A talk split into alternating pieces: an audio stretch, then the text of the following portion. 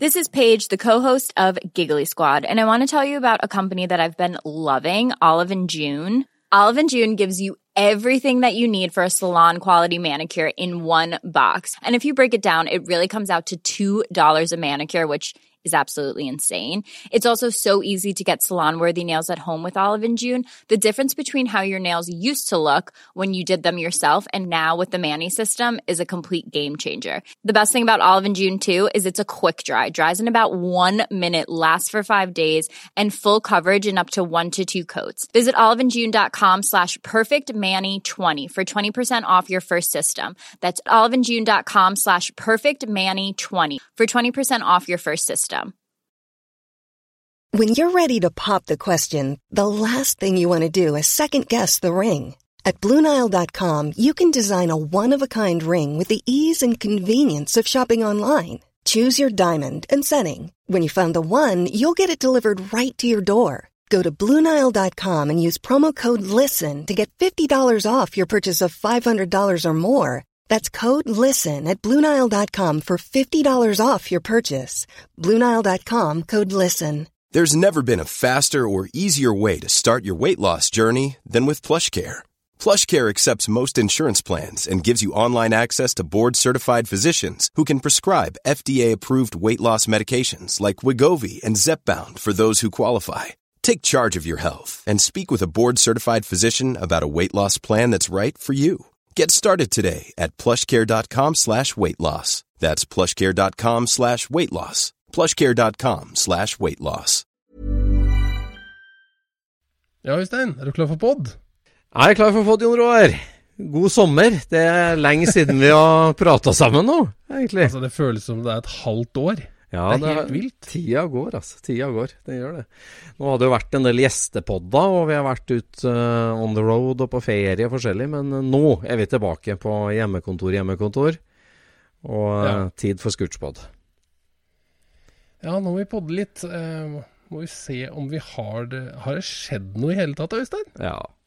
Det har vært en fullpakka sommer for min del. Eh, så, altså å slippe å ligge på ei strand på Kreta eller et eller annet sånt vås, og heller eh, jage rundt i litt låver og det gamle lager i Norge, det har vært helt konge, det, for meg. Det er jeg enig i. Det har vært eh, utført mye jobb, det har det. Det har det. Har det. Det har vært lite strandliv. Lite strand. har det. Nei. vi kjører pod, da. Vi gjør det.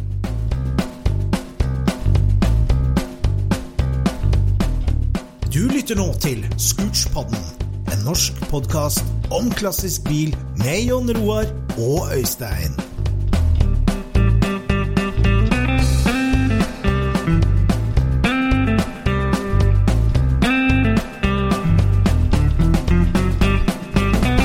Yes. Scootspodden er tilbake etter eh, en eh, liten sommerpause nå. For det, sist fredag så lasta vi ikke opp en ny episode. Uh, Nei, det det har jeg dårlig samvittighet for, altså. Nei, det skal du ikke ha dårlig samvittighet for. For den helga så var vi på tur. Og hvilken tur, sier jeg bare, Jon Roar. Ja, det var en bra tur. Det var det absolutt. Og um, det var uh, Slapp rett og slett opp for tida, altså. Det gikk ikke, det greiene der. Uh, Nei, og både lage turarrangement, for det vi snakker om, det er jo mm, SSC Super Scenic 2020. Mm. I eh, mangelen på muligheten til å samle folkevogn- og Porsche-entusiastene i Europa på Nord-Europas største luftavkjørte treff på Gardermoen, sånn som Mm. vi bruker å gjøre hver eneste august, så kom du med den geniale ideen at vi lager, lager en Super Scenic eh, Tour of Norway i stedet for. Ja, Og- har jo alltid egentlig hatt eh, dårlig samvittighet for alle utlendinger som kommer eh, til eh, hva skal vi si, skjønne Gardermoen, Ja. og så setter snuta over grensa igjen. Altså, Ja. Det er jo for trist. Ja, de har jo stått der og spurt ja, hvor er det fjella, hvor er fjordene hen? Kan du si. Og det er veldig lite mellom Kielfergekaia og Gardermoen, altså. Det Ja. må vi bare si. Men jeg husker jo tilbake og, og, og smiler og tenker på når Lee Coxey kom fra London kjørende i beachbuggy, Ja. og, og kom da inn over Svinesund og rett opp på Gardermoen, og var der i ja, fire dager, og så kjørte han jo hjem igjen. Ja. og skrev reportasje i Volkswell, engelsk folkevognblad. ja. Og skrev der han hadde sett norske fjorder og høye norske fjell. Skrev han det? Så han hadde jo da sett Haldensfjorden og kjørt i Skullerudumpa. Det var vel det han hadde sett. Ja ja, men Svinesundbrua er jo en eh, følelse av eh, Ja, men det er jo liksom eh, hvilken skala du er på, liksom. Hva, Ja. du, hva du sammenligner med. Og jeg må jo bare si at nå i helga så fikk jeg justert min skala en del. Ja, det, det var kalibrering av ytterpunkt som vi drev med i helga, rett og slett. det var det, altså. Det var det, for det For SSC Superscenic, da, det ble jo da Vi gikk ut med en invitasjon til eiere av luftkjørt kjøretøy i Norge. Og øh, det var jo ikke et arrangement per se, for det har vi ikke lov til i koronatida. Så det var Vi la ut og sa bare at eh, her er det en runde med spennende vei som en gjeng kommer til å kjøre i løpet av helga. Og oppfordra folk til å bare henge seg på og kjøre en sånn tut og vink-karavane. Eh, Harda Hardangervidda rundt. Ja. Og det var jo en kjempesuksess, det må jeg si, altså. Eh, Ja, det funka, funka veldig bra. Altså, jeg vet ikke om du har arrangert noe sånt før, men jeg har aldri arrangert noe sånn cruising. Så jeg har liksom ikke egentlig visst hvordan ja, ja, hvordan fungerer så mange mennesker sammen, da. Eh, Nei. For jeg trodde jo egentlig at vi skulle være spredd for alle vinder, men, men Ja. folk syntes det var veldig mye hygge å ligge tre billengder bak eh, forrige mann, liksom. Ja, det var jo noe med å se hele det godstoget av folkevogner og Porscher som snirkla seg gjennom norsk natur, og det var jo det var et Ja. syn i, i seg sjøl. Så vi er endte ja, opp med at veldig mange kjørte ganske samla. Vi sov på helt forskjellige plasser, og vi, vi stoppa og rasta på delvis forskjellige plasser. Og det var jo Mm. stamme på Uh, en, en stamme med biler som kjørte stort sett hele turen, men så funka det jo veldig bra med at folk hang seg på underveis. Det var en gjeng fra Telemark, det var en gjeng fra Bergen, en gjeng fra Stavanger, fra Sogn, uh, Mm. som hang seg på og var med i etapper, da, kan du si, på det Mm. tredagerseventyret. Så Ja. den modellen funka veldig bra. Synes jeg at det, det, det var jo ikke noe start og stopp. Det var ikke noe påmelding eller fast tid. Det var en grov tidsplan, sånn at det gikk an å koble seg på. Men at, at det da ble en veldig sånn lavterskelsak å, å henge seg på en stund, det, det funka veldig bra, det. Mm. Så kjørte vi liksom i, i makelig tempo, og det, det var jo også eh, hyggelig. Jeg har hørt om det med sekser i bakre rekke. De klagde på at det gikk for sakte, men for oss som kjørte eh, 356-motor uh, kan du si i, i åpen bil uten sikkerhetsbelter, og ja, vi hadde jo L på bakluka òg, så det var kanskje litt derfor jeg satt og klemte bremsepedalen i passasjergulvet. Men, uh, men jeg følte at det gikk fort nok, i hvert fall. Selv om vi var jo langt unna fartsgrensa. Sånn, da. så Ja. Nei, Altså, det, det, var, det var mange Altså, Norge består av mange motbakker, altså. Ja. Lange motbakker. Men jeg, jeg syns ikke det var så ille likevel. Altså, med, med det kanonværet vi hadde, så hadde jeg venta meg mer overoppheta folkeogner. Altså. Eh, Det er jo det gode gamle trikset med å gå ut og kaste vann på blokka di og koke det av, så er det for varm. Og jeg følte ikke behov for å gjøre det, egentlig. Eh, Det, det føltes liksom ikke så varmt. For det, det, det var bakker, selvfølgelig, men eh, det var ikke sånn Det var enormt. bakker også, men man tar jo på en måte rolig, da. Og så dytta vi de som hadde mest å slite med foran, sånn Ja. at de kunne justere farten. Og det var egentlig Det tror jeg var lurt, rett og slett. Men hvordan gikk det an at den barndåren med 16-tomshjul og 30 hester kjørte ifra den der moderne bay window-saken din? Det Det kan jeg fortelle deg. Han hadde med seg to sykler, Ja. og jeg hadde hele lasterommet fullt av klær. Og han har reduksjonsgir, og har jo da en veldig mye lavere toppfart enn enn det Baywindowen har, da. ja. Så, det og det er ikke den mest momentsterke motoren som sitter i de uh, Baywindowene helt opp, liksom. De er ikke laga for klatre. Så det var andre, eh, andre gir og 4000 omdreininger opp hele bakken. Var det det? Måtte Ja, ja, altså Når det var nigraders ni, ni graders eh, helling, da var det andre gir. Men på sju grader, da gikk den fint opp på tredje. Ja, akkurat. Å, ja, Men så, jeg satte ikke noen hastighetsrekorder. Absolutt ikke. Så jeg hadde litt dårlig samvittighet for den der eh, eh, motoren baki der, men eh, han fikk olja Ja. si og Ja, jeg sjekka peilepinnen en del underveis, og jeg må vel slå ned på en halvliter nå, tror jeg. For jeg starta litt over maksmerket og endte opp midt imellom maks og min. Så, Mm. Og da kjørte vi Hva kjørte vi? 1600 km, eller? Eh, Er det så mye, da? Jeg vet ikke. Jeg tror det var nærmere 100 mil. Å ja. sånn cirka. var- ja, ikke Ja, men altså, dere, dere har jo kjørt et styk, lengre stykke, egentlig, da, enn det jeg har. Ja, Jeg tror runden var 100 mil, var ikke sant? For grovt sett så kjørte jo vi Vi kjørte Drammen, eh, Kongsberg, Notodden, eh, Odda, Hardanger. Ja, altså Der var det jo litt sånn forkorta der nå, da. Men Ja, eh, det var jo Røldalsfjellet over til Odda, ikke sant? Ja. Og så kjørte vi jo um, Hardangerfjorden ut. Og over Hardangerbrua ut til Voss. mm, Og oppi i Husdal. Så var det til Flå, og så var det Vassbygdi, og så klatra vi opp fjellet der, og så over Hol. Og så var det ned til, til Geilo, hvor det var camping. Ja.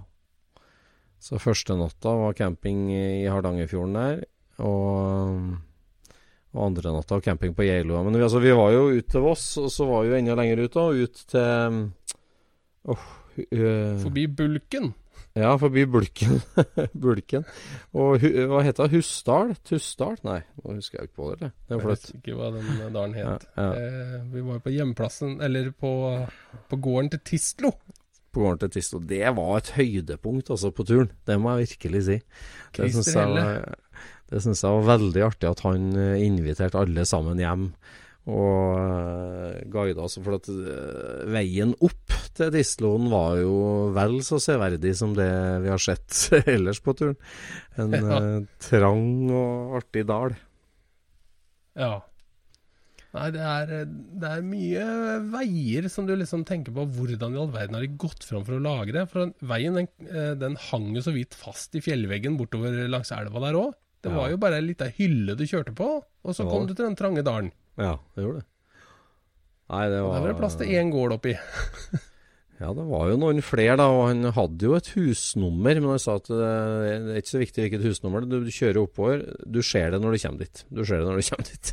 så, og det gjorde det gjorde man. Ja. Han har veldig sunn, sunne interesser, interesser, tenker jeg. Absolutt. Og så Så- vet vi nå hvor, eh, hvor alle de firehjulstrekte LT-ene er hen i verden. Ja, det gjør vi, altså. Han eh, Evanger, ja. Det, vi, eh, nå ser jeg, jeg ser litt kjapt på kartet her. Vi var jo da forbi Bulken og helt ut til Evanger. Og der dro vi opp til høyre, vi. Opp Mm. i eh, Skal vi se, vi må ha det riktig, vet du. Eh, Og Tislo kjørte vel faktisk eh, treffets sjeldneste bil. Teigdalsveien. Teigdalsveien. Oppover Teigdalen var vi. Eh, og Teigdalsveien han, kjør, han kjørte jo i foran ja, med treffets sjeldneste bil. Produksjonstall fem, var ikke det? Og tre av dem på private hender, var ikke det noe med det? Ja, nei, de, de laga 18 stykker. Oh, ja. Eh, det var Steir og Puck og Volkswagen som skulle prøve å få kontrakt med det canadiske mm, militæret. ja, sånn var det. Så de laga 18 stykker. Eh, og det er jo liksom da eh, det er jo som en kort elte med Den han har, i hvert fall. Det er en kort elte med mm, sånne Unimog-aksler. Med Nei, portalaksler. Portalaksler, ja. ja. og han har en av de. Ja, for han kjøpte den i Tyskland, gjorde han det? Og så tok han den hjem? Ja, Ja. ja. Den hadde i hvert fall tyske skilt. Jeg er ikke sikker på Ja. hvor han fant den i verden, men han Ja, tok den med ja. til Norge.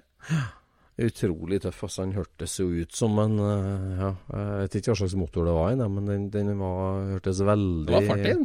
Det var fart inn. Det var det. Det var ikke noe å sinke, den greien der, altså. Nei, og det er, jo, det er jo det å åpne opp hjemmet sitt til en haug av fremmede, egentlig, da. Og full omvisning på loft og skur og alt sånt. Det var veldig artig, syns jeg. Jeg er skikkelig imponert over hva en Tistlo fra han logga seg på forumet vårt som 16-åring, kan du si, og bodde hjemme på gutterommet, og, og nå med stor samling av sjeldne ting, og det hadde et kjempefint verksted, og det, den jobben han gjør der, og så jo helt fenomenalt ut. Ja, veldig bra. Det så veldig fint ut. Ja, veldig, veldig hyggelig.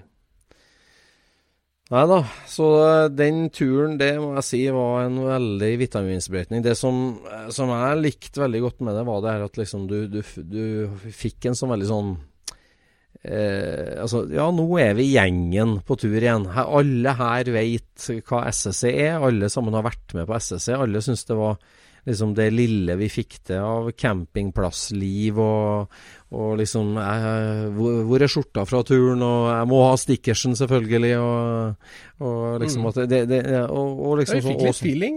ja, du fikk litt følelse, men at, at liksom de der følelser kunne være litt universelle. Både at Den er ikke nødvendigvis knytta til plassen da, på Gardermoen. Det var Nei, mer liksom folket og innstillinga. Liksom sånn, ja, det er kult. Alle hjelper alle.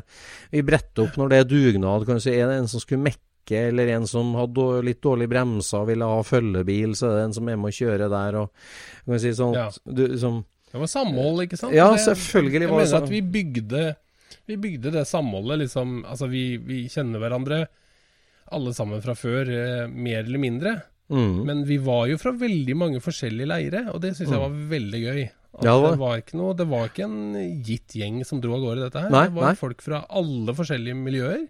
og mange Og vi ikke har før- sett før. Mm. Ja, og før vi var i Odda, liksom, så var vi jo en sammensveisa gjeng, og det Ja, er utrolig stilig, altså. Ja, det var det. Veldig artig følelse, det der å, å bli en gjeng. Ja, det var det. For det er liksom Har du valgt å være der, så har du en innstilling som eh, Ja, da, har, da er det en slags fellesnevner på innstillinga der, på et vis, som Ja. uh, gjør det Nei, det Can så, do attitude. Det er ja, bra. ja, can do. Så det var veldig hyggelig. Det hadde de ikke, de to klysene vi møtte i rød Triumph blant fjellene der. Eh, Alle spesielle biler vi møtte. Vi møtte jo noen Corvetter, har vi møtt en, en Opla og en haug med Forda for så vidt rundt eh, Gol, da, vi som kjørte over der. Og Ja. alle hilser jo. Eh, sånn i utgangspunktet så hilser vi på hverandre, men, men Ja. rød Triumph, eh, da hilser ikke du. Da Folkevogn er ugress, da, tror jeg. Ja, det, det som er litt rart, da For det var jo mange som sto langs veien. Noen virka det som visste at vi kom. Det Mm. syns jeg egentlig er litt rart. Men, Mm. men eh, det var også noen som sto og mala, som liksom bare ble så første bilen og ble stående med kosten i handa. Og han sto jo der en stund, da, for at det Mm. blei jo Mm. Ja, til tider var det jo 50 biler, liksom, så det Mm. tar jo litt tid før alt er forbi. Men det var jo bare smil og vink og, og positivt hele veien. Ja, Altså, denne, denne engelske som du snakker om der, sånn, den, den møtte jo jeg Da lå jeg nesten sist. ja. Og da, da har du liksom møtt Si du har møtt 30 folkevogner, da. Mm. eller Porscher eller eh, busser eller hva, hva som helst. Mm. Og du har fortsatt ikke tenkt at det, at det er gøy å hilse tilbake til, til de som hilser, liksom. Nei, Da, det er en statement. det er en Liksom statement. Sånn, ignorere over så lang tid. Ja, ja, det, ja, ja. ja, da er det Men på trass. altså, Mm. vi, vi er jo vant til det der. Vi, altså, vi vet jo at, uh, at eh, folkevogn, det er liksom De er uh, smalltimers i, uh, ja, det det. i, i Mm. bilverden. Det blir, det Mm. blir ofte sånn. Men eh, det bryr vi oss ingenting om, rett og slett. Nei, det er ikke det. Nei, men det er jo sånn at du har jo en del Vi bruker jo det litt slemme uttrykket av og til at det, i noen bilmiljø så er det veldig mange som ikke er bilinteressert. Eh, at at i, i, i noen sånn spesifikke lommer av bilhobbyen så, så kommer det inn folk som liksom egentlig ikke kan så mye om historien til bilen, og kan i hvert fall ikke mekke noe i hele tatt. Tar aldri på noe, har en kar du setter bort alt sammen til.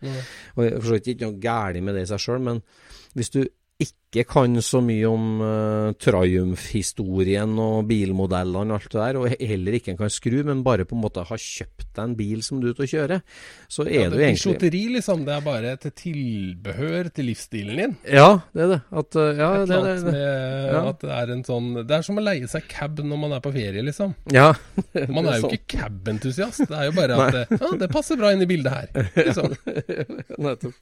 Ja, det er sånn. Og du har jo en del Det er jo en del folk i bilmiljøet som er sånn. Men der tror jeg at eh, det er veldig få sånne i folkevognmiljøet. Og folkevognmiljøet, det, det er en såpass lavterskelbil at uh, du må liksom Jeg vet ikke. Du, altså, det er jo ingen som selv. tenker at eh, nå skal jeg ha meg litt status, jeg kjøper meg en folkevogn. Det er jo ingen som tenker sånn. Nei, det er det. Det kan hende at, at det er derfor vi er så forskånt for sånt. Ja. Nei, men Da blir det desto mer overraskende når du møter to-tre sånne i kortesje etter veien, da, og det er ikke et vink engang. Sitter bare konsentrert og ser fram og kjenner på styresnekkerslakken til Lukas. Nei, det er ikke, det er ikke Lukas, det, kanskje. Så Nei, det var rart. Men eh, ja, så møtte vi jo, møtte vi jo Kybel òg. Det var jo eh, Ja, det gjorde vi. Rett etter bakkene opp fra Voss, så kom en kjent kybelagen på henger imot oss, og han hilste jo som bare det. Ja. Han vinka som bare det, og han var jo fornøyd og, og folkevogninteressert, og nå fant jeg ut i ettertid hvem det var, da. En bergenser som, eh, som er som har for det flere folkevogner fra før. Som eh, er ikke sikkert han vil ha navnet sitt på trykk ennå, men han er i hvert fall en veldig oppegående kar og fornøyd eier. Og det var veldig artig å se at den bilen eh, ble trukket av en bil med norske skilt på, at den blir i Norge. Så Ja, det, Absolutt. Det er mye miljø. det er jo en kjent bil som eh, ble redda av eh, Per Jacobsen oppe i Sortland. eh, eh, på, leder på 70-tallet. og Han samla på han lenge, og så gikk han videre til en kar i Bodø, og så kom han til Asker, og så ble han bygd opp i Asker. da. Eh, var jo ganske råtten i utgangspunktet, men ble bygd opp eh, der og satt sammen og hatt en del eiere etter det og blitt eh, litt bedre for hver eier, kan du si. Uh, Forbedra mm. og bytta ut litt deler og greier. så den har vært til salgs i et lite års tid nesten, og at den nå da endte opp på Vestlandet eller Bergen, det var jo helt topp. Så den håper jeg vi får se på SSC neste år. Veldig hyggelig. Ja, Det var veldig hyggelig. Men vi hadde jo med oss eh, postmester Rune Andersen. Han kjørte jo helt bakerst i rekka vår i sin gule postbil, Ja, med bilhenger etter. ja det var jo suverent. Han tok jo liksom eh, Han, eh, han var gåsemor og passa på hele gjengen. Lå bakerst og plukka opp hvis det skulle skje noe. Ja, det var helt suverent. Det var helt suverent. Det, det. Og det er det som altså, vi, Du har jo jobba en del med det opplegget, selvfølgelig, og vi har fått uh, veldig god hjelp av lokalkjente og frivillige som har meldt seg til å være med på det. Men det, den totale pakken ble jo en veldig bra greie, liksom. Med, Ja, det funka veldig fint. Ja, det gjorde det. Veldig fint, og, og, og kosta oss ikke så altfor mye, verken innsats eller penger heller. Så postmesterens uh, supportbil var jo helt konge, men jammen meg, det var vel en halv time etter første avreise, eller, så måtte den nyeste bilen i hele kortesjen opp på hengeren. Ja, en halvtime vet jeg ikke, men eh, det var i hvert fall under den første dagen. Ja. Da stoppa eh, en 83-modell SE, eh, Porsche. Ja. Og, og da var jo Da blei det litt feilsøking på plass. De var jo selvfølgelig da bakerst og sto der sammen med postmesteren og Mm. prøvde å finne ut hva alle disse her fantastiske elektroniske boksene gjør for noe i det motorrommet. ja. Mm. Og så bestemte de seg jo i god folkevognånd for å ta denne på hengeren og ta den med til campinga. Dette fikser vi. Drar den fra Telemark og til Vestlandet for å fikse den. altså, det er jo bare i vår verden at det er logisk. Ja, Ikke sant? da tar du korteste vei hjem, altså, hvis du, hvis du er vanlig Porsche-eier. så er det- Nei, det var seks. Men, eh, men eh, er man modig, så har man også litt flaks. Ja, ja. For de skrudde jo hele kvelden og feilsøkte, og fikk jo faktisk deler inn samme kveld fra, fra Oslo, faktisk. Jeg gjorde det. Men det var jo ikke det som var De bytta tenningsstykket bak på, på låsen, tenningslåsen. Ja. Men det var ikke det som var feilen. Nei. Så på lørdag morgen så var jeg forbi gutta. Da hadde de på mer eller mindre gitt opp, vel. Eh, for da viste det seg at fordeleren ga ikke det signalet han skulle til CDI-boksen. Å nei. Aha. Og det er en sånn tenningsmodul for deg, Øystein, som det, det vet du antageligvis ikke hva er. Men, men, eh, men eh, skal ikke jeg skryte meg av at jeg vet mye om det heller, Nei. men det, der var det en feil, da. Så vi tok ut fordeleren og, og rista den litt. Og da kom det ut noen gamle deler av noe ja, glidepakning. Eh, glideflate. -huh. Og så, og så plutselig så sto det et par eh, glade Porsche-gutter foran oss, som også var med på turen. Ja. Og um, han ene dro liksom kjensel på problematikken og sa at uh, han uh, hadde hatt problemer med den CDI-boksen. da. Aha. Og derfor så kjørte han alltid med en i reserve. Oi. ja vel. Og da, da så de ut som eh, sånn som svenskene sier, fågelholkar, de eh, nordmennene. Har du en sånn her på campingen? Fy faen. Og han rett opp og henta den, og satte den inn, og de satte i fordeleren igjen, og vrei om nøkkelen, og der gikk den. Nei, nei, gjorde den det? Jo, jo, Og jo. Sånn, og det som skjedde, så var reservedelen til en annen Porsche som uh, Yes. Jeg Det redd. var reservedelen til en annen. fy s- Og da var jo den Den sto jo ikke på hengeren lenger, selvfølgelig, så da var jo plutselig hengeren ledig igjen, da. Ja. Og postmesteren Og, kunne eh, og postmesteren kunne kjøre litt lettere. Ja. Det var jo greit, det. da, for Det var jo en del brattbakker etter det. Men det, det var jo ingen annen Det var jo ingen folkevogn som trengte hengerhjelp, egentlig. da. Eh, nei, det havna jo aldri noen folkevogn på hengeren. Nei. Viljar Våge tok vel en oljekjøler i en motbakke eh, etter Geilo, men eh, det fiksa han på plass, for han ville absolutt ikke opp på den hengeren. Nei. det har blitt en høy kortesje med høytaksbuss oppå henger. ja, det er sant. det er sant. Mm. Så, men, men de Porsche-gutta der, de kunne skru bil, og de hadde deler og kunne diagnosere. Så det er, Yes.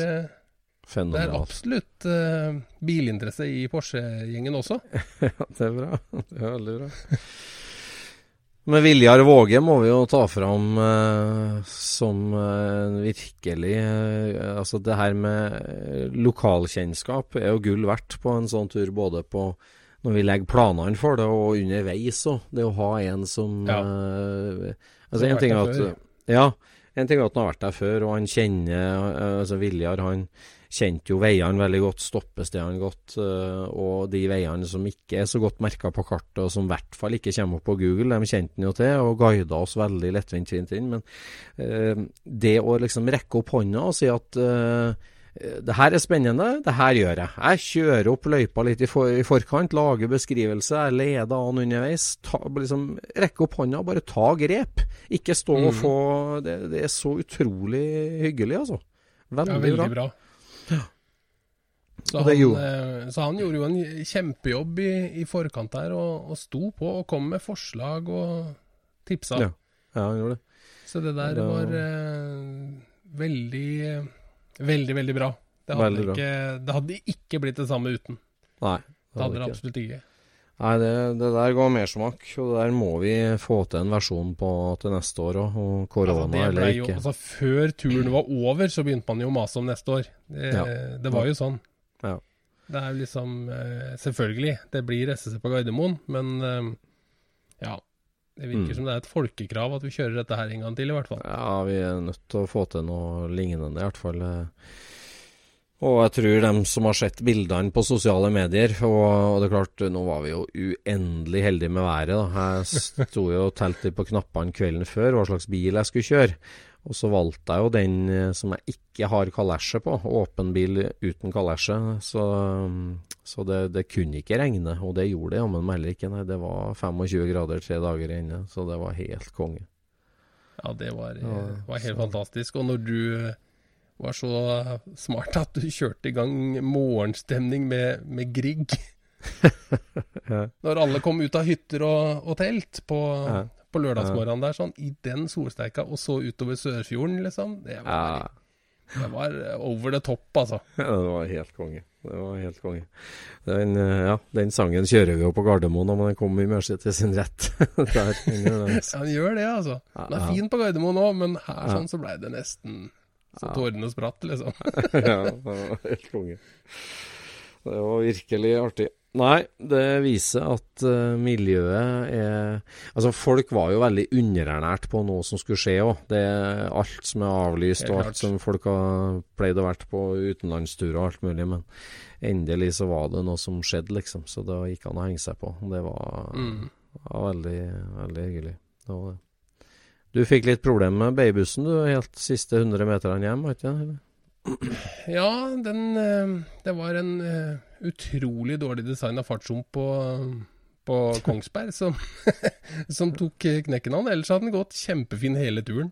Ja. Så um, den eh, løsna på ene fjærpakka foran, da. Så da, da var det bare ei fjærpakke i, i aksjon, og da ble en idiotlav foran. ja. Da gikk det rett og slett ikke an å kjøre med den. Nei. Så da, da må den eh, inn, og så har vi noe å skru på i høst, da. Ja. Som, eh, som ikke vi hadde noe annet på lur. Du satt jo og tvinna tommeltotter, så det var fint å få litt å holde på med, da. Ja, ja, ja. Nei, det har jeg gleda meg mye til å skru på den, ja. Ja, det er bra, ja. ja, ja. Nei, SSC Super Scenic, eh, virkelig noe som frister til gjentakelse, og som uh, er helt sikker på det er flere som henger seg på neste år. Det, Ja, den eh, Jeg tror aldri jeg kommer til å glemme den turen. Det tror jeg ikke. Altså. nei. Det var Nei, det, en, det altså, første gangen nå, liksom. Det, det er jo helt magisk. Og bare, bare kompiser og bare gode ord og bare bra vær. Ja, ja. Det- What's not to like, som de sier. Ja, det er det, vet du. Jeg hadde jo med meg min eldstemann, 16 år gamle Sivert, og han Altså, jeg visste ikke at fjell kunne være så svære, ja. Jeg visste ikke at gjør sånn, sånn, Her der vi bor, så føler jeg liksom at du kan liksom mestre naturen, da, på en måte, men se på der, da. Du, du, du er liten her, altså. Her er du liten, Ja. altså. så, Ja.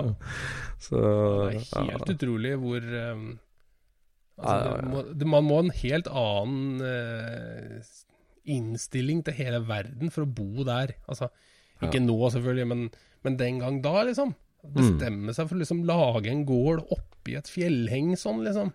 ja. Det er jo helt vilt. Det er helt vilt. I forhold til her det. i Vestfold, så er bort, eh, så kan du omtrent bare hvelve noen trær, og så er det plass til en gård. Liksom. Det, er ikke noe, Ja. det er ikke noe big deal i hele tatt. Nei, men når du var fem unger på en gård, da bare eldstemann fikk en, og så ble det noen fire stykker som sparka ut der redet, da måtte du klatre opp og der det Ja. fantes. det var jo sånn. Så Ja. Nei, det, det, var, det var virkelig imponerende, det. Ja. Det var det. Et Så- fantastisk land. Ja. det var det. Yes, vi tar en liten pause. SSC Super Scenic 2021, get ready.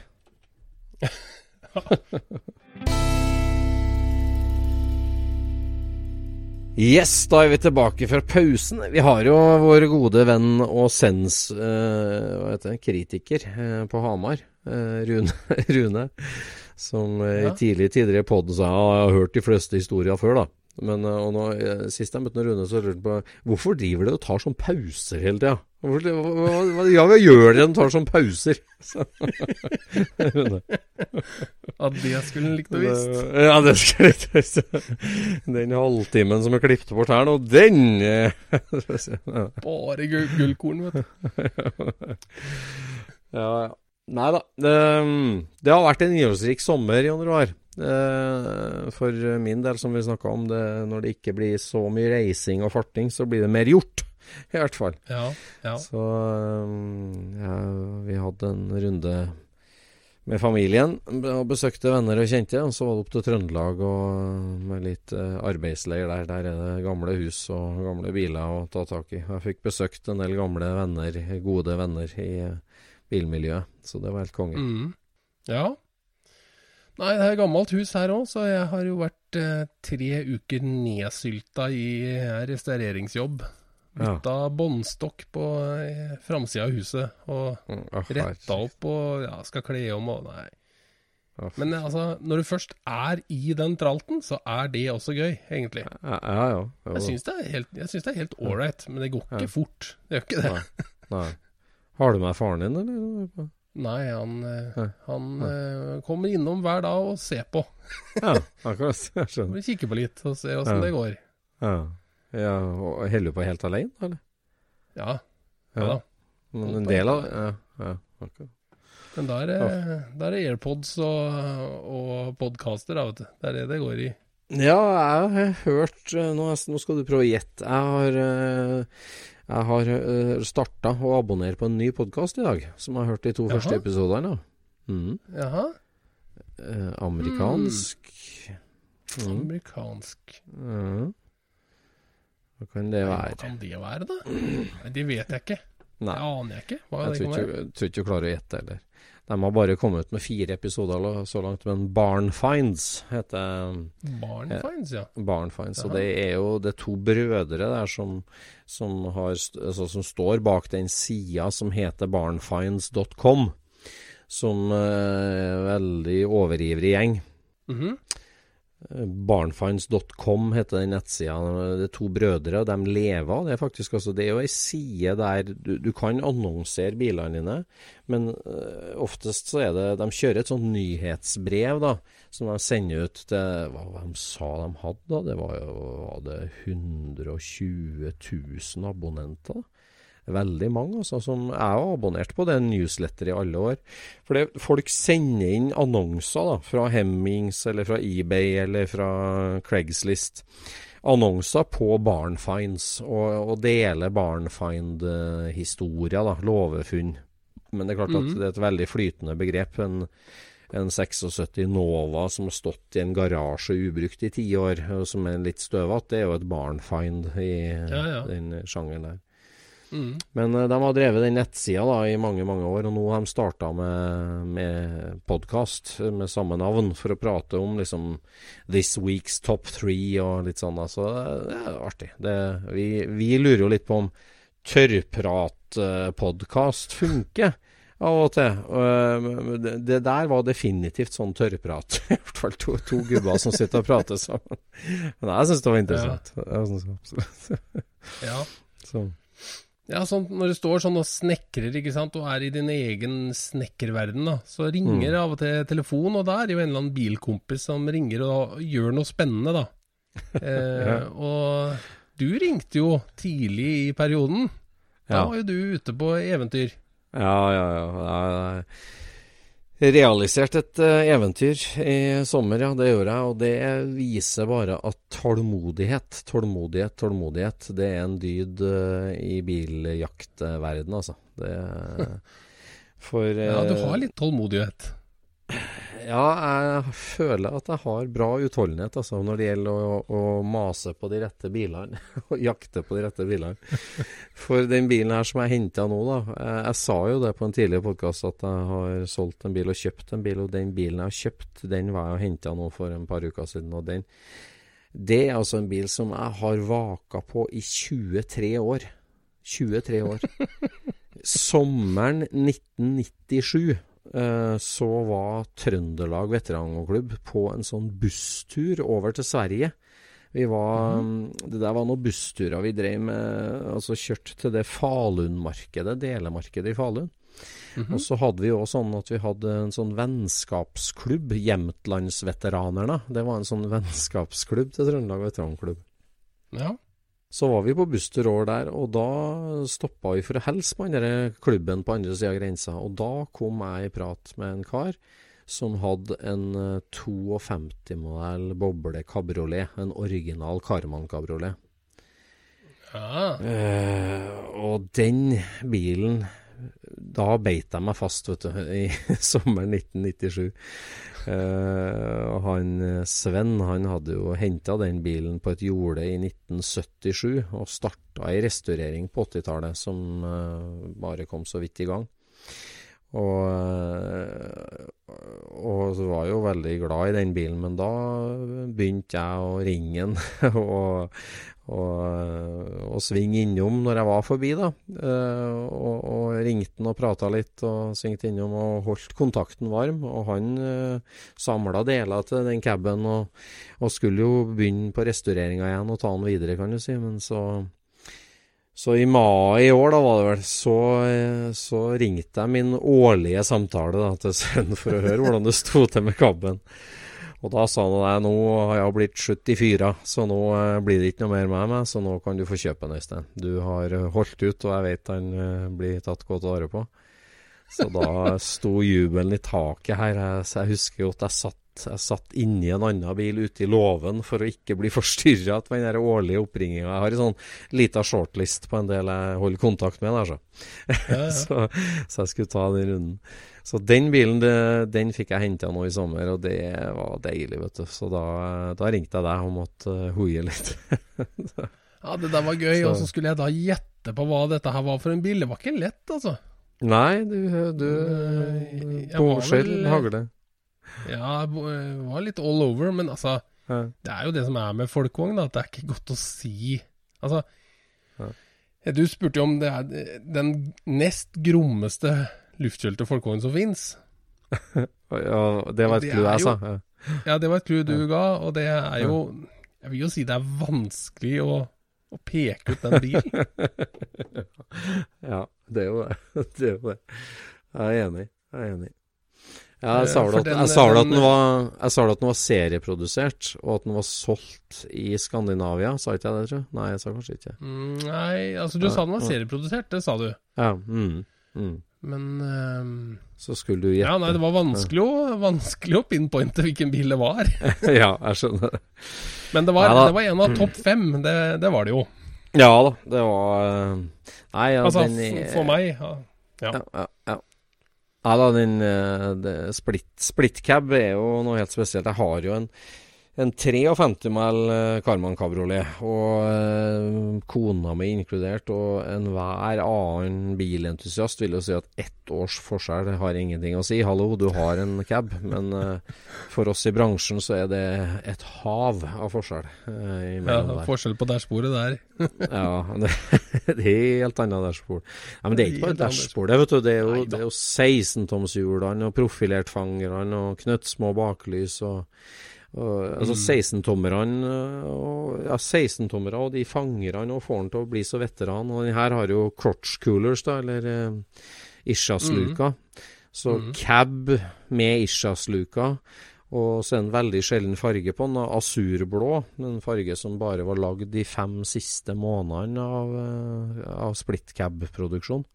Ja. Eh, veldig spesiell farge, og det er jo eh, veldig mye originallekk igjen på den bilen. Det er bare uheldig at han eh, rakk å starte med litt pinnesveis på 80-tallet, men eh, jeg har jo et mål om å, å få den sammen og greie å bevare den originallakken, for eh, det, det er jo sjeldent å, å ha på en cab.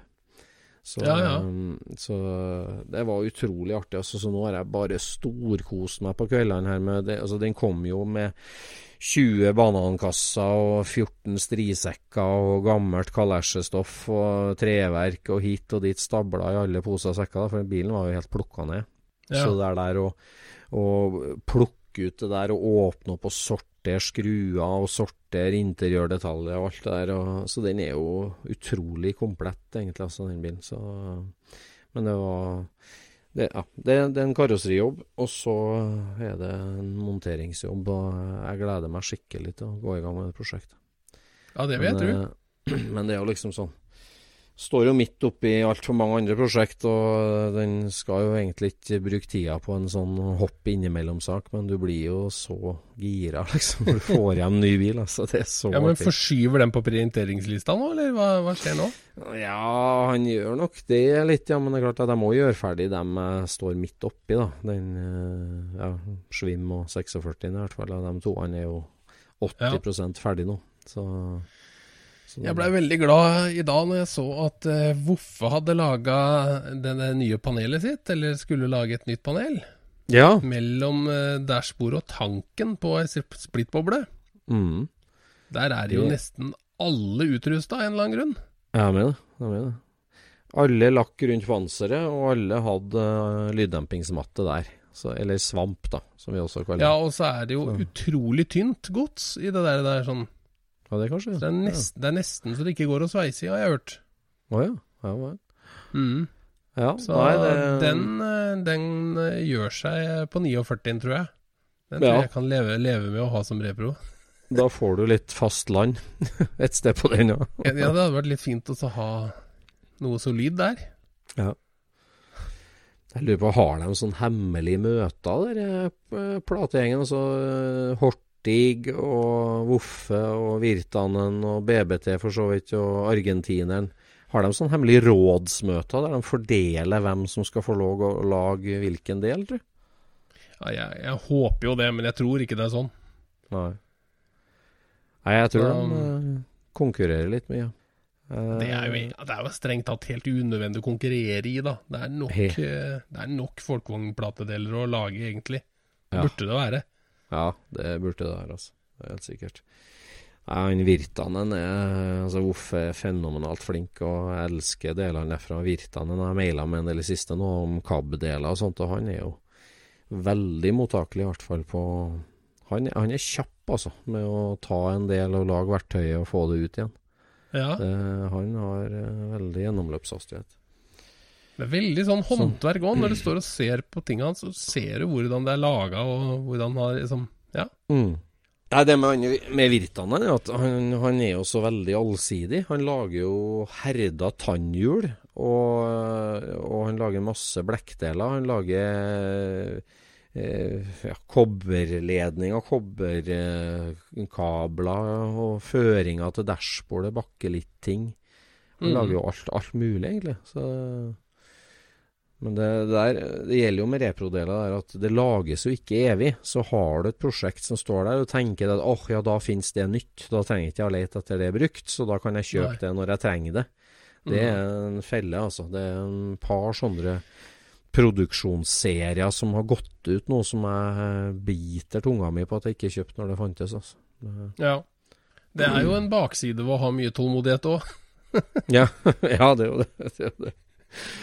Og jeg er 23 år, tok det der kjøpet der, men jeg er kjempeglad. Altså. Det er like glad nå som, eh, som når jeg fant den og, og hadde håpa på å kjøpe den da. Ja, det sant? har minsket ikke noen ting der.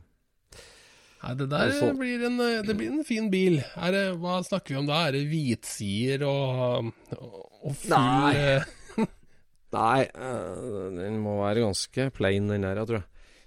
Du skal ikke Skal følge den der eh, den 190-en på Finn? Ja, den må vi snakke litt om. Den, har du vært inne og sett på bildene, eller? Ja. Den er jo eh, Det er en veldig artig bil. Altså en, den dukka opp i dag på Finn. En mørkeblå 190 SL, Mercedes 190 SL, 657 mil, som står i, står i Bergen for salg. Den er jo erkenorsk, vet du, den bilen. Det, Mm. det, blir, det blir ikke mer norsk, denne, med svære, hvite skvettlapper med N på. Eh, Håndmalt eh, rødt, hvitt og blått i hele Mercedes-stjerna i fronten, og på kapslene på bilen. Og på noe sånn eh, Ja, det var noe På bakfangeren òg, så var det rødt, hvitt og blått. Eh, har han liksom malt på. Og så har han sånn portholes, da, sånn runde, krumma lookalike portholes attpå. Og Ja. noen slags sånn uh, antenner og N-skilt, da, selvfølgelig. og Eh, veldig spesiell bil, altså. Og den, den der, der husker jeg jo godt fra han var annonsert for en ja, Jeg vil jo si fem år siden, men det er jo sikkert åtte-ti år siden. da. For det var en Oslo-kar som eide den bilen, og så hadde han lag, Han eide den siden 1962 eller noe sånt. Og så hadde han den lagra i en garasje eh, på hytta si oppe i Odalen. ja. Og så ble han for gammel, og arvingene dro den ut og annonserte den på Finn for eh, ja, sju-åtte år siden, da, tenker jeg. Og eh, den ble jo Jeg ringte på den, jeg òg, og den ble jo helt nedringt, for de hadde jo prisene eh, da til langt under eh, eh, markedspris, egentlig, og den ble solgt tvert. da, Og jeg tenkte egentlig at den gikk til utlandet, da, så jeg ble veldig glad for å se den i dag når den dukka opp nå. Han har plukka av en del av det norske utstyret, han karen, men det fortsatt har han absolutt det preget, da. og, øh, og er ja, det er litt sånn, er litt sånn tivolipreg på den. Ja, det er sånn norsk sånn 70-tallsstyling. Eller norsk at liksom, du skulle gjøre den litt personlig og gjøre den litt tøffere. Og så Den har jo til og med portholes i, i grillen. Ja, han har det. Det. Så Da er ordentlig. Nei. Men, eh, men en, en sånn, altså en 190 SL med lang norsk historie, kan du si, og det at den nå er gjennomgått teknisk og mekanisk og elektrisk, kan du si, bremser og sånn skjøt som eh, Og på mm. skilt, da, det er jo helt konge. Så det var hyggelig å se igjen den bilen. Eh, Jeg håper den blir i Norge, altså. Det håper jeg. Ja. Nei, vi har, Mm. vi har en lignende bil som jeg ser av og til i, i Sandefjord, og det er en ja, det er en av disse tre årsmodellene med Camaro eh, som ligner en del på hverandre. Så er det sikkert en sånn 68 eller noe der omkring. Mm. Blå eh, ja, Blå og utrolig matt i lakken var den jo. Ja. Med hengefeste og reflekser og liksom smale dekk på sånne snodige aluminiumsfelger. Altså, ja. hele greiene så veldig, veldig norsk ut. sånn bruksbilaktig. Og sånn var den inntil i fjor, tror jeg. Ja. Da, da det, Jeg tror det er fortsatt samme eieren, og det er en eldre kar som eh, antageligvis har kjøpt den på ja, Han må jo ha kjøpt den på 80-tallet eller et eller annet sånt, da.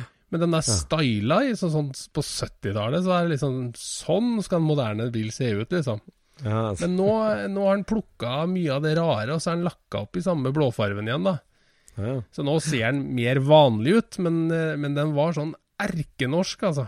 Det Ja, var, det. eh, Ja. det var litt sånn artig å se, for sånn Ja, er ser ikke en Camaro ut i Norge, liksom. Nei, nei, nei. Det er artig. Jeg hadde jo ja, den Thundershodderen min òg, når jeg fant den. Den var litt sånn, vet du. Oransje med svart lookalike vinyltak på sånn påspraya vinyltak. Ja. Og, ja, og sånn tre sånne vingevipper på vindusviskerne, vet du. Som plastgreier Ja, ja, ja, du ja, satt det på det der, der. Ja. Ja. Og ja, det var sånn ja, norsk, liksom. Det. ja, det var en ting som den Camaroen hadde. Den hadde de derre sånn re refleksgummiknotter på enden av dørene for at det ikke skal bulke i andre biler, Ja, vet du. ja, ja, Så du bare kjøper på CD Cardic og limer på døra di, liksom. ja, ja, ja. Passer dønn inn på klassisk bil. Ja, ja. Nei, det Nei, det var artig å se igjen den der 190-en. Altså, det, åh, det er jo en bil som Det er klart det er ikke en 300 SL, men den er søren meg så nært du kommer, nesten. Altså. Men den, eh, men den der sånn har jo veldig mye av den der eh, greia med at du må ha noe som er feil for at vi skal tro den er ekte. Ja, ja, ja. ja. Altså, den Ja. Mercedesen der sånn eh, Mm. Ingen kunne ha bygd den bilen der i dag. Ingen. Ingen! Nei. Nei, det er helt umulig. Helt umulig. Den, Da, da hadde du vært et geni, hadde du klart å bygge den bilen der i dag, altså. Ja, det hadde vært det. vært. Ja, nei, det, den er utvilsomt ekte, den bilen her. Er altså. Tenk om, tenk, om der, tenk om noen hadde bygd den Mercedesen for åpen scene på et eller annet forum i dag. Ja. Altså, folk hadde, jo leid, folk hadde jo leid hitmen for å ta deg, vet du. Ja, ja tenk det. Altså, nå sitter han og maler røde trekanter inni Mercedes-stjerna foran, liksom. Dra og hente den for svarte. Finn han fyren! ja. ja. Nei, det ja.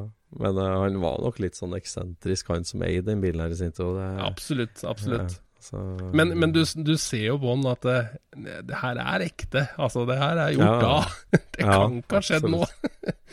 Helt umulig. Men hvorfor er det ingen som, som uh, tar en sånn bil og gjør litt sånn som folk gjør med Porsche Speedster, altså 356? Tenk liksom av med fangere, litt hyggelige seter, noen tøffe felger, kanskje noen scallops, liksom. Eh, det lager s- sånn racing, racingstuk. Ja, sånn mildt racingstuk, da. Altså på en sånn 190 som det er, det er som, den er jo litt sånn gubbebil. Eh, helt når den er helt sånn plain Jane, helt original. Ja. Men, eh, men kan jo bli Det må jo kan bli, da. Eh, For jeg har, jeg har ikke sett den ordentlig. Altså Det var jo dere Le Mans-serien. De, de lagde vel 15 biler, dem òg, til Le Mans, uten det, som har sånn nedkutta dører og er litt ekstra lettvekts. Å, Det fins, men uh, det fins en, en, en versjon av dem. Men uh, det er rart at ikke flere har bygd en sånn bil i, ja, i et sånt tidlig racingstuk, da. Det syns jeg er rart. Ja. Nei, det her, eh, de eierne her sånn er vel mer de gutta som du ser på travbanen med skipperlue, vet du.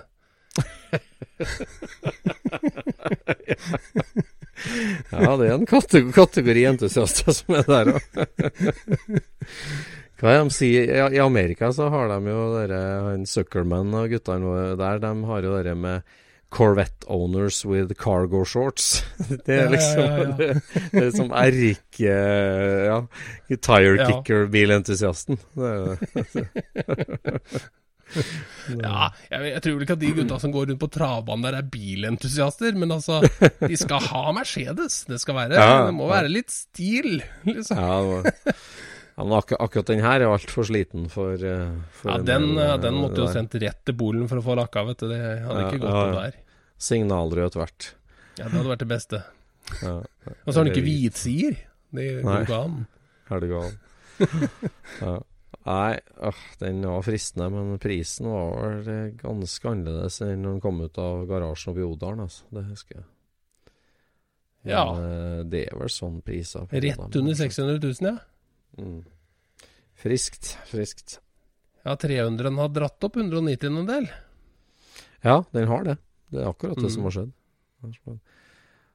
Det ville ha vært litt helligbrød Det har vært litt helligbrød å gjort uh, den der drømmen vi snakka om før, med å bygge fastback-tak på en 190 SL. Den her bilen er litt hygg hyggelig for det. Ja, det kunne man ikke gjort med den der. Nei. Nei, det syns jeg ikke. Men, um, men som eh, som sånn europeisk hotrod eh, custom eh, eh, Ja. design, liksom lage sånne fantommodeller som ikke fins. Det er jo kjempekult. Det er kjempekult. Hvorfor, hvorfor skjer ikke det, liksom? Ja. ja, det er så rart. Det er så rart, det. Vi har jo en god venn, vi, som uh, sitter på tegningene av en norsk racerbil òg. Hovde-racerbilen. Ja. Ja. Det er jo, det er jo, er jo en sånn bil som Hvorfor i svarte er ingen som har bygd den, altså. Det, det, Ja. det må gjøres. Det må gjøres snart. Så ja, det er et eh, Det er en designperle, det der. mm. Den er eh, enkel i linjene, for å si det mildt. Ja, det er det. det, det. Men eh, desto Ja, veldig spennende til å være norsk bil, eller generelt. Ja, absolutt. Den var Mm. Jeg liker godt det når det er sånn Det er ikke bare designet heller. Liksom, det var masse sånn konstruksjonsmessig eh, finurligheter. Ja, ja. Ja, det er jo kjempegøy. ja, det er kjempegøy. Ja, den eh, Ja, han, han patenterte jo forskjellige ting. Han Hovde Vi må komme tilbake til han Egentlig historien om Hovde må vi fortelle i en egen podkast, tror jeg.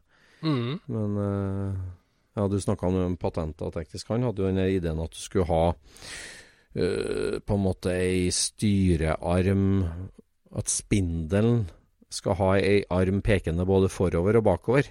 Og så skulle du bare ha pianotråd imellom de, sånn at du Ja. Når du svingte, så var det alltid en som dro.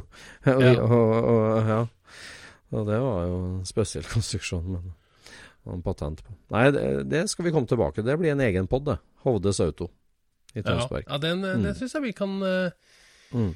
Der er det jo en historie å fortelle liksom, som, eh, som er litt utafor. Han hadde jo litt sånn racing og, og de tinga der, men, men de andre tinga, liksom. Snakke om Ja, ja. hva han dreiv med, Mm. liksom. Egen Eller- forsøksbane. Ja. Nei, det, der har vi en fin gjest vi skal ha med oss òg, vet du. Kjetil. Da er Absolutt. jo hansken kastet. Ja. Ja vel.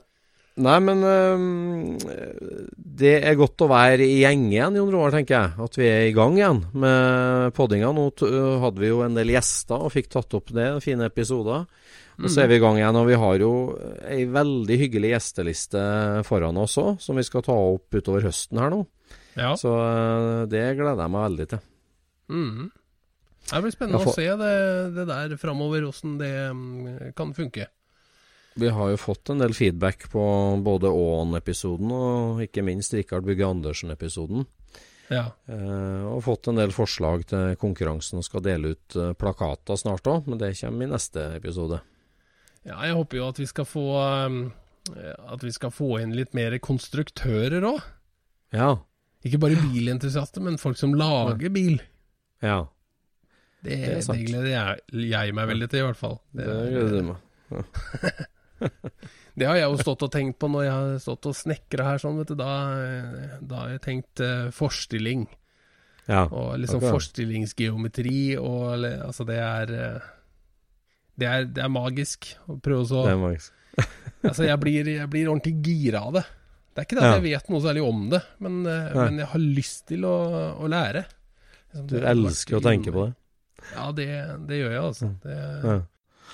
Ja, uff, jeg har slakk i styrsnekka på Romertsen min, i hvert fall. Det, vi satt og klunka på en sånn eh, død, dødgang der. Men, eh, så den må byttes, rett og slett. Men etter noen timer så er det fort glemt, vet du. Da er det bare helt Ja. naturlig, det der. Ja, ja, du husker jo Tysklandsturen òg. Vi klagde litt uh, før Hamburg, men så var det glemt i ei uke etterpå. Så det glemt. ja. Ja ja. ja. Nei, jeg gleder meg til en spennende høst. Nå har det vært masse bilgreier i sommer, og det skal vi snakke mer om i kommende episoder òg. Jeg fikk henta hjem min 23 år gamle drømmebil, og om et par måneders tid, tenker jeg, så skal jeg hente hjem det dette 46-mal karosseriet mitt òg, fra lakk. Ja. Det er jeg så spent på, altså. Det er jeg så spent på. Det er jo en militærbil. Det skal jo bli mili fullt militærdekor og militærfarger. Og han eh, Leif, som er ekspert på sånt, som driver med det nå, han går grundig til verks, altså. Så det blir spennende å få hjem. Ja. Nei, det der eh, Det må være å ha bra tilgjengelighet, liksom, når du skal gjøre noe grundig. Det er Mm. liksom Det er alfa og omega, liksom. Sånn som når du, Ja. når du eh, lånte bilsnurre av meg her sånn for å liksom gå over den bilen under. Ja, ja. Tatt alle kriker og kroker, ikke sant.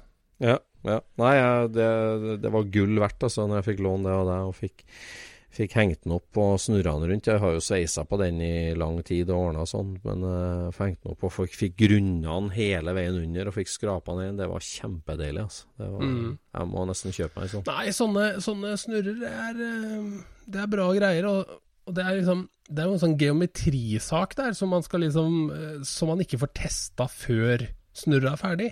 For du Ja. veit jo egentlig ikke hvor tyngdepunktet i dette karosseriet er. Nei, jeg gjør ikke det, vet du. Og, og ja, det er sånn snurre som er solgt til generelt til alle bilmerker. og Sånn. Er, er de justerbare i høyden, egentlig? da? Eh, Avstand fra Ja, nå har vi jo faktisk fått inn noen sånne snurrer på jobb, da, hvor at du, du justerer denne høyden for tyngdepunktet bare med ei sveiv. Å ja. Så da kan du liksom diale inn den høyden der sånn hvor tyngdepunktet ligger, ikke sant. Så du kan jo da snurre Ja. rundt med bare én finger, ikke sant.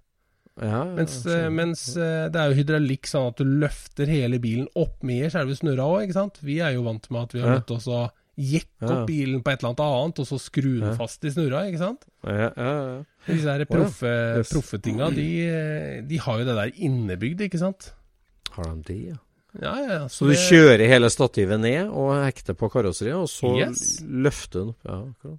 Så er det bare to Yes. stykker som, eh, som pumper, og så løftes den opp, ikke sant. Og da, da kan du jo egentlig eh, Det som jeg oppdaga med, med mitt stativ, da, er at jeg laga jo det for å bruke på, ei, eh, på et boblekarosseri. Ja. Eh, og det, det blei veldig fint, og den kunne jeg snurre helt trill rundt. Men Mm. når jeg satte en Baybus i det stativet seinere, så, Mm. Så Mm. funka jo ikke dette her med tyngdepunkt i hele tatt, for tyngdepunktet var et helt annet sted. ja. Mm. Og høyden ble også feil, sånn at jeg klarte jo Mm. ikke å snurre bilen, for da tok jo kanalen ned, For at kubeformen på den var jo så mye høyere enn enn på Mm. boblekarosseriet, ikke sant. Så da hadde det vært Mm. veldig fint å kunne liksom justere den høyden, da. Når, Ja. når du skulle snurre på den. Mm. Men uh, det der er uh, magisk, altså. Komme til når du skal jobbe, det er Ja. hele forskjellen, altså. Ja, det er det, altså. Ja, og arbeidsstilling og sånn. Jeg ser jo bare Jeg har jo sånn høyt arbeidsbenk i, i verkstedet som når Mm. meg liksom ja, nesten opp til brystkassen. Som jeg, så jeg kan stå og ha ting veldig nært ansiktet for å se. Montere dashbord eller, Ja. eller eh, rutepakning eller hva det skal være. Det er jo og det er samme sveising òg. Å ligge krøka inni et hjørne i forhold til å stå Det blir ikke bra, vet du. Det blir ikke bra. Det, er liksom sånn komme til, se ordentlig, sånn at du Mm. virkelig ser eh, Altså, når du skal Mm. tilpasse en bit, ikke sant. Når du, når du Mm. må se på ting på skrå vinkel, så veit du ikke egentlig Ja, vanskelig å bedømme om bilen er lang nok og kort nok og altså alt dette her. Mm, det er sant. Nei da, heldig, heldigvis ferdig med sveisinga på den 46 nå. Nå er det bare lakk og sjablonger og Den skal se litt sånn patinert ut etterpå, så det er jeg veldig spent på. Så det blir et høydepunkt i høst, å få hjem den. Ja, det blir skikkelig spennende, rett og slett. Å se Ja. hvordan det der funker. Ja. Og så er det noe med det også at eh, det er som å høre en vits, og så vet du allerede hva poenget er. Ja, Hvor gøy blir det, liksom? ja, ja. ja. Kan, vi, kan han lure oss, oss som har sett bilen ja. før? ja. Uff. Jeg er veldig spent det, altså. Si. det, det er jo dumt å si det på podkasten, at vi driver og lakkerer. Det skulle jo vært sånn at folk tenker Oi, hvilken låve kom den fra? Vi får se. Ja, men vi lakker jo, lakker jo bare på disse distinksjonene og sånt. Ja ja, stemmer. Det er bare sjablongene. Ja. De, de ble la, lakkert over, dem, vet du, på Eller- Island. Nei, jeg vet ikke. Jeg blir Jo. usikker jeg nå hva du driver med. Ja, ja det, det er i hvert fall fine sjablonger med militært nummer. Det er klart. Mm. Ja ja. Nei, nå blir det seint på kvelden her, og vi takker for denne episoden av Scootspodden. Og så ses vi vi. neste uke. Det gjør vi. Ha det bra. Scootspodden produseres av SSC Media, med god hjelp av VV Norge og Trond Dahl for hosting, Knut Micaelsen for musikk. Abonner på Scootspod via podcaster eller Acast, og følg Scootspod på Instagram og se det vi snakker om. Der kan du også komme med kommentarer og innspill, og fortelle oss hva du vil høre om.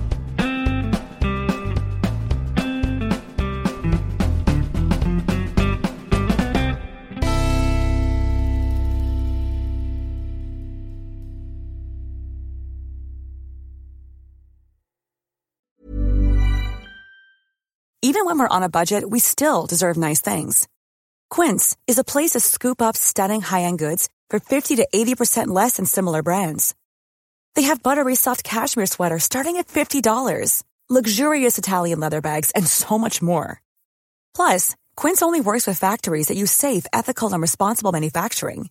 Get the high-end goods you'll love without the high price tag with Quince.